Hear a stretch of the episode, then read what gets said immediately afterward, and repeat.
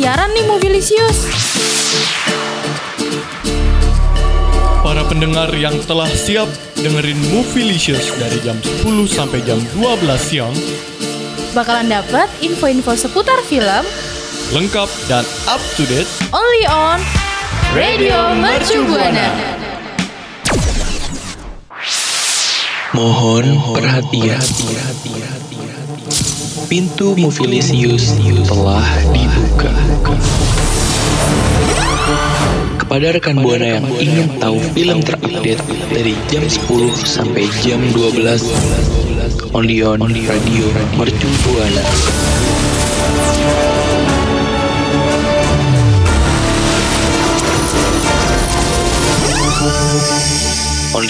Radio Mercu Buana.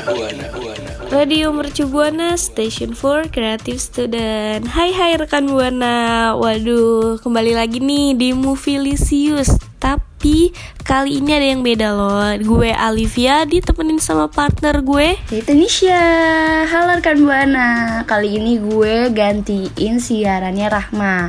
Jadi rekan Buana yang tadinya nggak suka film nih Pasti bakalan seneng nih ketagihan sama program Movielicious Hmm apalagi yang bawain gue sama Nisha nih ya rekan Buana Oh ya tapi sebelumnya nih gue pengen ingetin rekan Buana Buat pantau terus ya sosial media kita Di Instagram kita at Radio Mercubuana Dan Twitter kita at Radio underscore UMB Buat rekan Buana yang pengen lihat website-website kita bisa banget nih karena ada artikel menarik. Langsung aja ya ke website kita di radio.mercubuana.ac.id.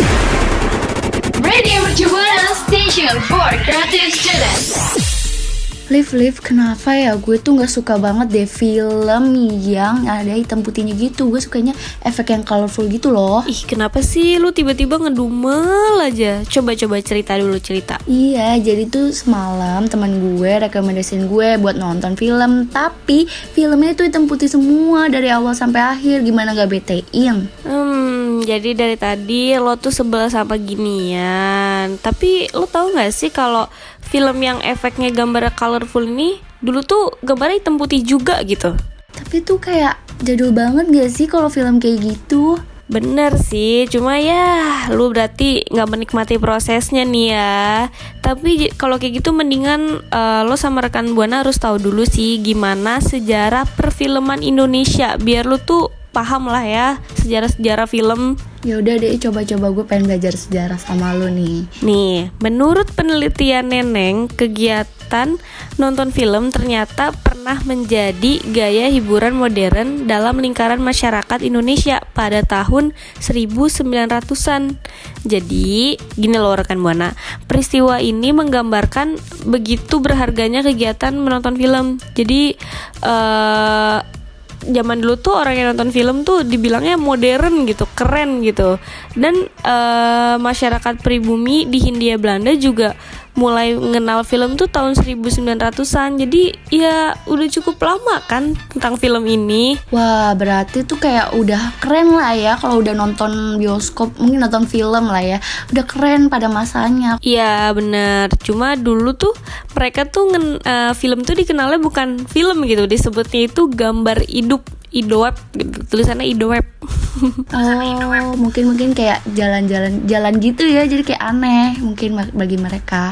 Mm zaman-zaman dulu kan masih bahasanya ya jadul banget gitu dan eh, dulu tuh sebutan ini eh dikenal saat surat kabar dari eh, namanya tuh bintang bintang Betawi. Dan itu tuh eh, ngasih iklan tentang pertunjukan gitu. Makanya disebutnya gambar hidup. Terus Liv, gue pengen tahu sih film pertama kali yang ada pas lagi zaman India Belanda tuh apa? Hmm, jadi tuh pertama nih film yang mereka tonton itu eh, film dokumenter gitu. Dan filmnya tuh cerit menceritakan tentang perkembangan pembangunan di Belanda dan eh, mereka menampilkan volume profil keluarga di kerajaan Belanda. Jadi ya eh, sejarahnya tuh film yang diputerin tuh tentang film dokumenternya eh, zaman Belanda gitu loh, Nisha dan rekan Buana.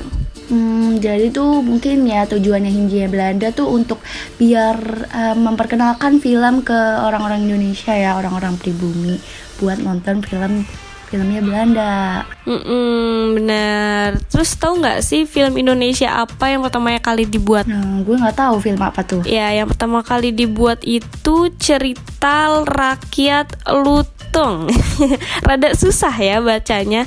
Cerita rakyat Lutung Kasar Kasarung. Jadi ya film ini tuh film yang dibuat oleh Belanda pada tahun 1926 Ta- dan eh, kisah dari film tersebut ya. Jadi film pertama di Hindia yang dibuat oleh seorang Belanda yang namanya tuh El Veldorp wow. Dan film ini tuh ceritanya tentang rakyat yang berasal dari Jawa Barat dan eh, berhasil film ini berhasil juga diproduksi eh, dan mulai banyak berdiri di Hindia Belanda gitu. Oh, ini tuh ini loh film cerita Lutung Kasarung yang ada di buku-buku dongeng itu loh, Liv. Lu masa nggak tahu sih? Iya bener bener bener bener berarti film ini tuh ya emang mungkin dari dulu eh, film itu diangkat dari buku dari cerita cerita di buku gitulah ya menurut gua nih Iya benar, ini tuh yang ada di buku dongeng buku dongeng gitu. Mm-mm, bener banget. Nah, jadi gimana nih menurut lu nih Syah? Dan tadi kan gue udah kasih tahu nih sejarah perfilman Indonesia. Bayangin deh kalau waktu Belanda nggak bikin film buat orang pribumi, mungkin kayaknya lo nggak bisa nonton film sih sampai sekarang. Radio Station for Creative Studio. Wah, kalau tadi kita udah ngebahas film perfilman Indonesia dari zaman dulu dari masa Belanda nih. Kita nih rekan Buana perlu bangga karena banyak film-film Indonesia yang udah berjaya dan berhasil tembus di festival luar negeri nih rekan Buana. Yeay, tepuk tangan dulu rekan Buana. Prok prok prok. Tapi mungkin rekan Buana belum tahu ya atau mm, nggak nyadar sih kalau film ini berjaya loh. Nih deh, mungkin langsung gue sama Nisha kasih, kasih tahu nih ya rekan Buana. Yang pertama itu ada film Marlina si pembunuh dalam empat babak pada tahun 2017. Jadi film ini tuh arahan dari Mauli Surya. Ini menjadi film yang nggak biasa dianggap remeh. Eh, nggak bisa dianggap remeh karena eh, walaupun gagal mewakilkan Indonesia pada ajang Academy Award di kategori Foreign Language Film, film ini tuh em, bisa masuk nominasi juga gitu. Jadi ya walaupun gak menang tapi udah masuk nominasi udah cukup lah ya untuk film-film pemula gitu ya nggak Iya sih? dong, mereka pasti kayak patut bangga gitu loh. Udah masuk nominasi aja tuh udah keren, Liv. Nah, lo juga harus tahu nih Film yang dibintangi sama Marsha Timothy ini juga masuk dalam beberapa penghargaan internasional Seperti skenario terbaik pada FIFS Maroko edisi ke-11 Hmm, berarti eh, emang sebenarnya ini film karyanya bagus ya karena bisa masuk ke nominasi-nominasi walaupun eh, gagal ya mewakili Indonesia. Cuma kayak untuk masuk nominasi tuh udah wow keren banget gitu. Ya iyalah Liv, kan mereka juga eh, udah berjuang lah ya Untuk gimana nih biar bisa tembus ke film-film ini Mm-mm, bener, yang penting udah berjuang asik. Tapi ada lagi nggak sih Nisha? Gue ada nih film yang kedua yaitu film Skala Niskala tahun 2017 Film drama karya Kamila Andini ini merupakan film yang berkisah tentang dua anak kembar yang menjalin hubungan melalui dunia lain Waduh. Nah, film dengan judul internasional The Seen and Unseen ini berhasil meraih penghargaan sebagai film terbaik dalam ajang Berlinale International Film Festival 2018 di Berlin nih, Olivia. Waduh, waduh, the scene and unseen berarti terlihat dan tak terlihat gitu ya? Iya, benar-benar itu judul internasional gitu loh. Wow. Lanjut, lanjut, lanjut, lanjut. Nah. Excited gue. Mm-mm, film yang diproduksi di bawah naungan Four Color Film dan Three Water Production ini juga berwarnai dengan tata tari dari unsur-unsur Bali termasuk spiritual, spiritualitas nih Alivia Rekan Buana. Mm-mm. Eh, walaupun dia punya judul internasional juga ya, tapi uh, tetap membawa budaya-budaya di Indonesia sih. Dan film ini juga dapat penghargaan lain nih Alvia rekan Buana. Film ini berhasil diperoleh skala-skala antara lain film remaja terbaik dalam Asian Pacific Screen Award dan film terbaik dalam Tokyo Film X. Mungkin Alivia punya rekomendasi film yang lain? Oh, ada tentu saja. Kita masih punya nih rekan Buana gue Indonesia masih punya. Ada yang ketiga ini ada film Kucumbu Tubuh Indahku itu pada tahun 2018. Nah, film ini rekan Buana disutradarai oleh Garin Nugroho dan jadi salah satu film kontroversial karena nih ya rekan Buana dan Indonesia ini tuh uh, isunya uh, film ini tuh dalamnya ada cerita tentang LGBT gitu. Nah ini bukannya juga ini ya film yang rame waktu itu di bioskop itu loh sebelum corona. Hmm ya benar benar benar benar.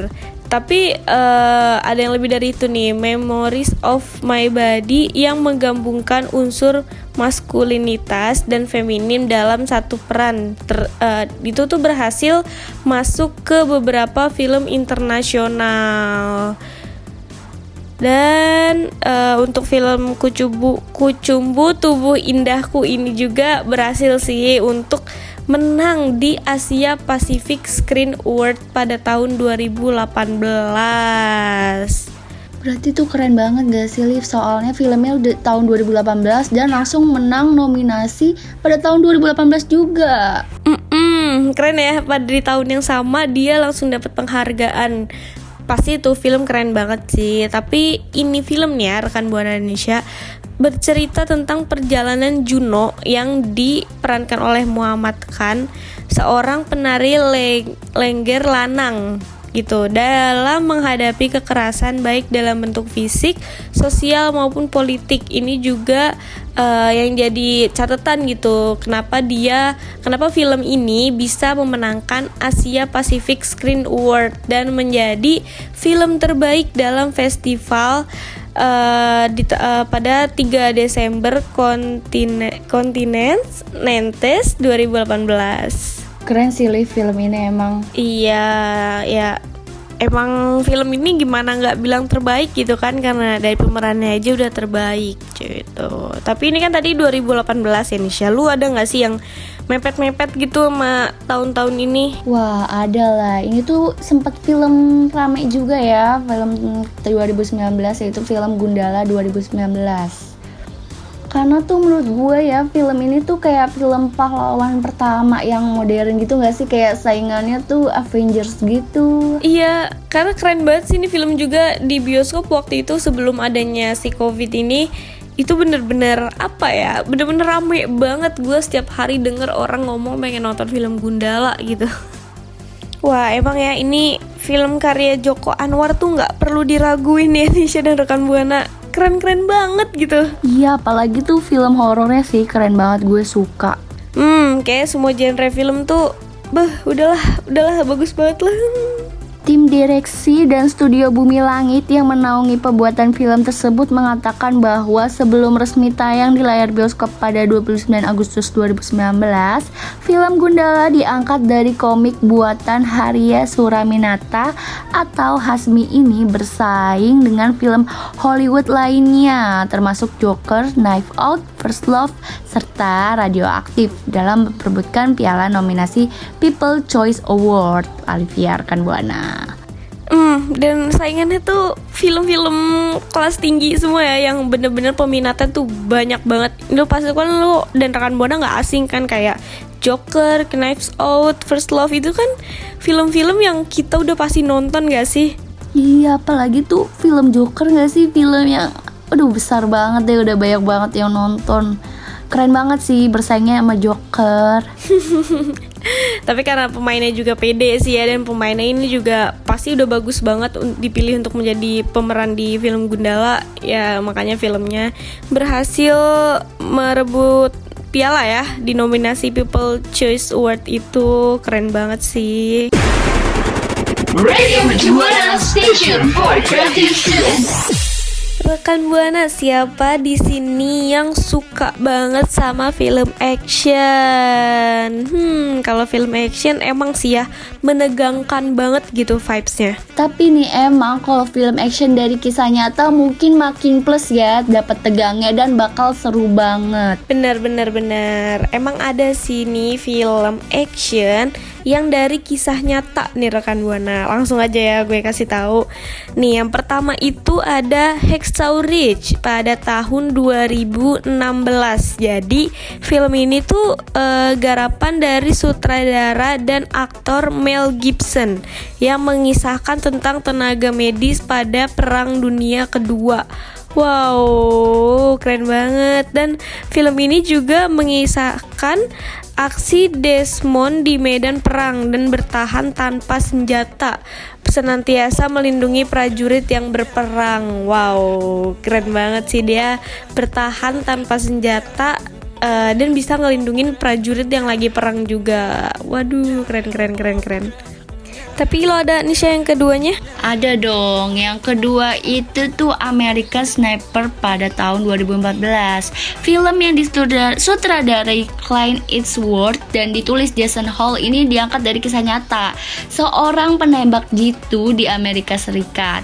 Film yang dimintangi Bradley Cooper yang juga berperan sebagai produser Yang mengisahkan sosok laki-laki yang sejak kecil telah dilatih keras menembak dan berburu oleh sang ayah. Seiring berjalannya waktu nih, kemampuannya menembak itu tuh makin baik. Jadi dia tuh eh, American Sniper juga berhasil memenangkan piala Oscar cuy tahun 2015 untuk nominasi Best Achievement in Sound Editing. Wow, masuk nominasi Best Achievement in Sound Editing. Kayaknya dalam film ini emang eh, bagus ya dari editing suaranya dan segala macamnya tuh. Ya iyalah, udah pasti udah kebayang gak sih film actionnya tuh bakal kayak apa? Soalnya kan sound editingnya udah Hmm, keren. Tapi dia, gue pengen tahu sih dia dapat skor berapa sih? Kayak kayak rating penilaiannya gitu loh. Nah ya pasti kan rekan buana kalau nonton film selalu ngeliatin ratingnya kan searching searching gitu. Nah film ini tuh dapat skor 7,3 dari 10 Wah lumayan banget ya sih di atas 5 Hmm, ya iya dong di atas 7 juga itu jatuhnya ya 7,3 itu menurut gua pasti rating yang udah cukup bagus lah ya untuk ditonton. Nah nih rekan buana, eh gue kasih tahu yang selanjutnya ya. Yang selanjutnya itu ada Black Hound Down pada tahun 2001. Jadi nih rekan buana Indonesia, film ini tuh eh syutingnya tuh berlatar tempat di Somalia pada tahun 1993 saat Amerika mengirim bantuan makanan dan obat-obatan untuk warga Somalia yang lagi kelaparan dengan menggunakan helikopter Black Hawk. Wah, berarti dia tuh sekalian ini ya beri bantuan sekalian eh apa ya lagi eh, menggarap film gitu kan. Jadi secara nggak keduga nih ya sekelompok warga Somalia menembak jatuh dua helikopter Black Hawk. Dan kedua helikopter tersebut jatuh di titik perang paling rawan di Mogadishu. Wah nih kayak dari sinopsisnya gue tertarik nih seru gitu ya nggak sih? Iya bener. Apalagi ya dia juga ngirim bantuan makanan nih ke warga Somalia. Tapi kenapa dia ditembak sama warga Somalia? Malah jadi jatuh Aneh gak sih? Keren nanti jadi kayak hmm, apa sih nih? kayak waduh penasaran juga gitu kan dan eh Terus film ini tuh dapat skor berapa kira-kira Alvia? hmm, untuk skornya itu dia dari IMBD memberikan skor 7,7 dari 10 Eh, mendekati angka 8 ya kan ini udah kayaknya rekomendasi sih mungkin nanti gue masukin list gue nih buat gue nonton nih tapi ada lagi nih Sya. Lo tadi lo bilang ada nih. Apa coba? Ini nih yang terakhir nih rekan Buana. American Gangster tahun 2007 Film garapan Ridley Scott Diangkat dari kisah nyata di Amerika Serikat Yang mencemarkan gem, ger- gem- ge- Gimana ya? Kayak geng mafia narkoba berkulit hitam pertama yang berkuasa di New York. Film menceritakan seorang mafia narkoba bernama Frank Lucas yang memulai karirnya sebagai pengawal dan sopir pribadi bosnya nih. Nah, tapi bertahun-tahun mengikuti bosnya tanpa sadar nih si Frank ini tuh meniru dan mempelajari cara hidup dan berbisnis dari bosnya. Usai bosnya meninggal, ia pun bertekad melanjutkan warisan bosnya dan de- dengan cara bisnis yang berbeda mungkin rekan Buana. Wow, berarti eh, dia langsung belajar sendiri ya, anaknya otodidak. anaknya otodidak dia mengikuti langkah-langkah bosnya mungkin karena emang bosnya sukses ya jadi dia diikuti langkah-langkahnya tapi caranya beda kali ya Iya, jadi kayak jalur hitam gitu, Liv. Nah, mungkin ya tadi kita udah ngasih tahu eh, film-film kisah nyata. Mungkin kisah hidup gue nih, kisah hidup yang nyata bisa dijadiin film juga ya, karena kisah hidup gue juga menegangkan. Radio Mercu Buana. Radio Mercu Buana Station Station for Creative Student Liv, Liv, lo tuh kalau inget negara Thailand tuh inget apaan? gua inget inian minum Thai tea tapi gue nggak pernah ke Thailand sih sedih bingo Ya udah nggak usah sedih gitulah, mending lu tonton film-film Thailand dulu, dengerin juga bahasanya dikit-dikit deh, baru deh ke Thailand. Emang lo ada rekomendasi gitu film Thailand gitu buat gue dan rekan Buana? Ya ada lah tentunya. Secara tuh ya Film Thailand tuh seru Romantisnya dapet Horornya dapet Komedinya juga juara. Yang pertama itu tuh film Pima Pakano Film Thailand yang seru ini merupakan film horor komedi yang dibintangi aktor papan atas Mario Maurer. Diceritakan nih Mario Maurer harus berjuang di medan perang sementara istrinya Nak yang hamil menunggu di rumahnya. Setelah bertaruh nyawa di medan perang, si Mak tuh kayak bingung gitu menemui sang istri yang udah lahirkan. Namun ada kejanggalan gitu loh dirasain sama Mario Maurer dan kawan-kawannya hingga terbongkar siapa sosok istri sebenarnya.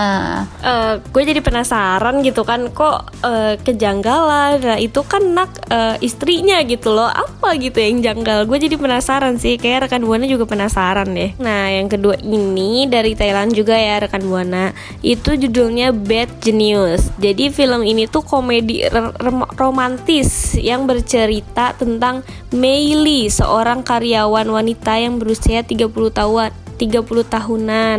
Dan baru aja dia tuh eh satu satu cuman dia gitu yang satu-satunya masih sendiri gitu.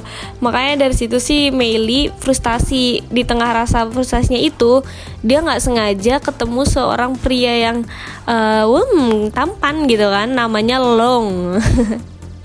Dan singkat cerita nih ya rekan Buana Indonesia Keduanya itu berada dalam hubungan yang membingungkan. Sampai akhirnya si Long ini mendapat beasiswa ke luar negeri. Hmm, nggak ketebak ya. Kayak kayaknya nih film banyak banget hal-hal yang nggak keduga nih unexpected gitu. Iya tapi kayaknya ma- masih masih ada lagi kan? Ada dong, yang terakhir tuh ada mm, Mei Wu. Film ini tuh katanya di Thailand emang ada banyak orang yang memiliki nama Mei. Begitupun dengan karakter utama di film yaitu Mei Nai yang di bahasa Inggrisnya menjadi Mei Wu. Awalnya nih cerita film ini terlihat sama aja nih kayak film-film lainnya, romansa anak sekolahan. Namun nggak sampai di situ aja nih, Mei ternyata memiliki kekuatan super dalam tubuhnya mengalir listrik. Waduh, waduh, waduh, waduh, nggak kebayang gak sih cewek punya tenaga super itu listrik. keren sih keren sih. Cewek dalam tubuhnya ada listriknya gitu. Kayak lu macem-macem gue setrum nih. Nah lu bayangin gak sih nanti kalau dia megang kulkas nanti dia tuh jadi kulkasnya jadi rusak gitu Liv. Karena kan kesentuh sama listrik ya. Iya ya kesetrum ya. Ntar arus jangka pendek ya. Jadi ngomongin listrik gue. Tapi sih kesian sama si Mei sih. Soalnya tuh pasti dia nggak bisa pegangan tangan kalau punya pacar. Dan dia tuh akan jadi sulit gitu loh dapat pacar. Eh bagus ntar pacar macem-macem langsung disetrum. Ya tapi sih itu juga pacarannya tuh kayak nggak enak gitu sih. Jaga jarak gitu Liv oh iya social distancing dia tapi emang film ini tuh genrenya apaan sih Film ini tuh genrenya tuh komedi romantis Hmm gitu Jadi nggak serius-serius banget ya, masih bisa santai-santai lucu gitu. Iya, karena tuh banyak komedinya gitu loh, Li. Oh, hmm, tapi nggak itu juga nih ya, karena tadi kan komedi romantis. Ini ada juga nih uh, film dari Thailand, judulnya Brother of the Year. Jadi film Thailand ini menceritakan tentang kehidupan seorang kakak beradik yang selalu uh, tak bertengkar gitu, terutama saat mereka hidup bersama. Waduh, keren sih. Jadi uh, si dalam film itu ada si Jane. Jane ini tuh diceritakan tinggal bersama kakaknya. Uh, dan kakaknya itu memutuskan studinya di luar negeri karena karakter yang berbeda nih ya. Mereka pun uh, sering banget kayak ada perselisihan gitu, tapi tetap film ini tuh dicapnya jadi film yang komedi. Hmm. Tapi ya nih rekan Bana dengan Nisha uh, walaupun kehidupannya si Jen tadi di luar rumah jauh lebih bahagia karena bertemu dengan iya mungkin sosok pria yang dia suka gitu ya dan keduanya tuh jalin cinta dan romansa bersama. Wah, berarti tuh udah uh, gimana ya adik kakak jadi tuh kayak jarang ber jarang berantem tuh kayak hebat banget gak sih Liv? Mm -mm, keren ya adik kakak tapi nggak ada berantem berantemnya tapi da, karena si Jen tadi ketemu sama Moji ya si pacarnya itu akhirnya si Moji itu ngajak Jen menikah dan kabar itu uh, kakaknya tuh gimana ya karena mereka nggak pernah berantem kali ya jadi kakaknya tuh ngerasa nggak mm, mau ditinggalin. Iya benar. Jadi tuh kayak mungkin jadi seorang kakak tuh kayak sedih ditinggal nikah. Iyalah pasti pasti ada rasa-rasa yang yang rasa kehilangan. Oke, tapi ini ya rekan buana itu tadi beberapa film Thailand yang uh, udah gue dan Nisha rekomendasiin ya uh, cocok banget buat dinonton di rumah gitu apalagi kalau lagi jenuh karena work from home.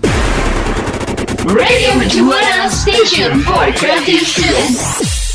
Siapa di sini rekan Buana yang fans banget sama artis Korea Park Shin Hye? Nah, usai setelah sukses film Zombie Alive-nya nih rekan Buana, Park Shin Hye akan main film Netflix terbarunya yang berjudul The Call. Film The Call dibintangi Park Shin Hye dan Jung Jin Se. Dan aktis Jung Jin Se pun sebelumnya membintangi film Burning 2018 bernama bersama Stephen Hyun dan Yo Ah In aktor film Alive yang kemarin nih rekan Buana. Di film ini mereka berkomunikasi melalui telepon misterius dan film ini mempunyai genre thriller dengan adegan-adegan menegangkan rekan Buana. Um, serem ya, tapi gue nggak takut sih kalau thriller masih ya oke okay lah ngagetin doang sih, negangin juga ya kan. Buat rekan Buana mungkin bisa nih lihat trailernya film The Call karena di sini si Park Shin Hye menunjukkan akting dengan senyuman yang mengerikan nih. Mm.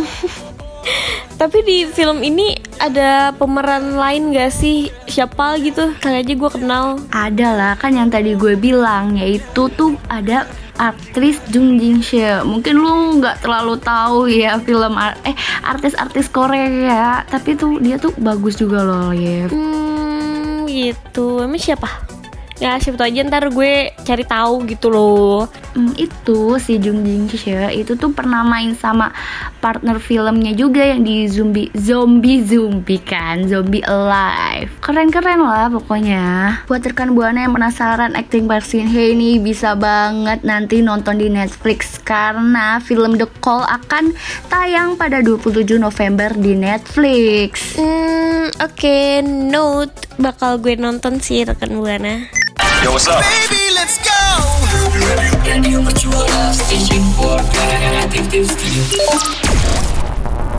Rekan Buana, kalau tadi kita udah bahas sejarah film perfilman Indonesia dan rekomendasi film-film Thailand dan film action yang diangkat dari kisah nyata. Hmm, bener banget. Tadi kita, gue dan Nisha udah banyak banget nih ngasih eh, berita-berita ya tentang perfilman yang update banget ke rekan Buana. Tapi sayang banget rekan Buana, hmm, waktunya udah habis nih ya buat gue dan Nisha nemenin lo rekan Buana. Kalau gitu, uh, sebelum gue dan Nisha pamit undur suara nih ya, gue mau sih rekan buana eh, nggak bosen-bosen nih gue ingetin terus untuk follow sosial media kita di Instagram kita @radiomercubuana dan Twitter kita @radio underscore UMB. Dan jangan lupa terus buat lihat website kita di radio.mercubuana.ac.id. Kalau gitu Nisha undur suara. Alivia undur suara. Bye bye. Bye bye rekan Buana. See you next week.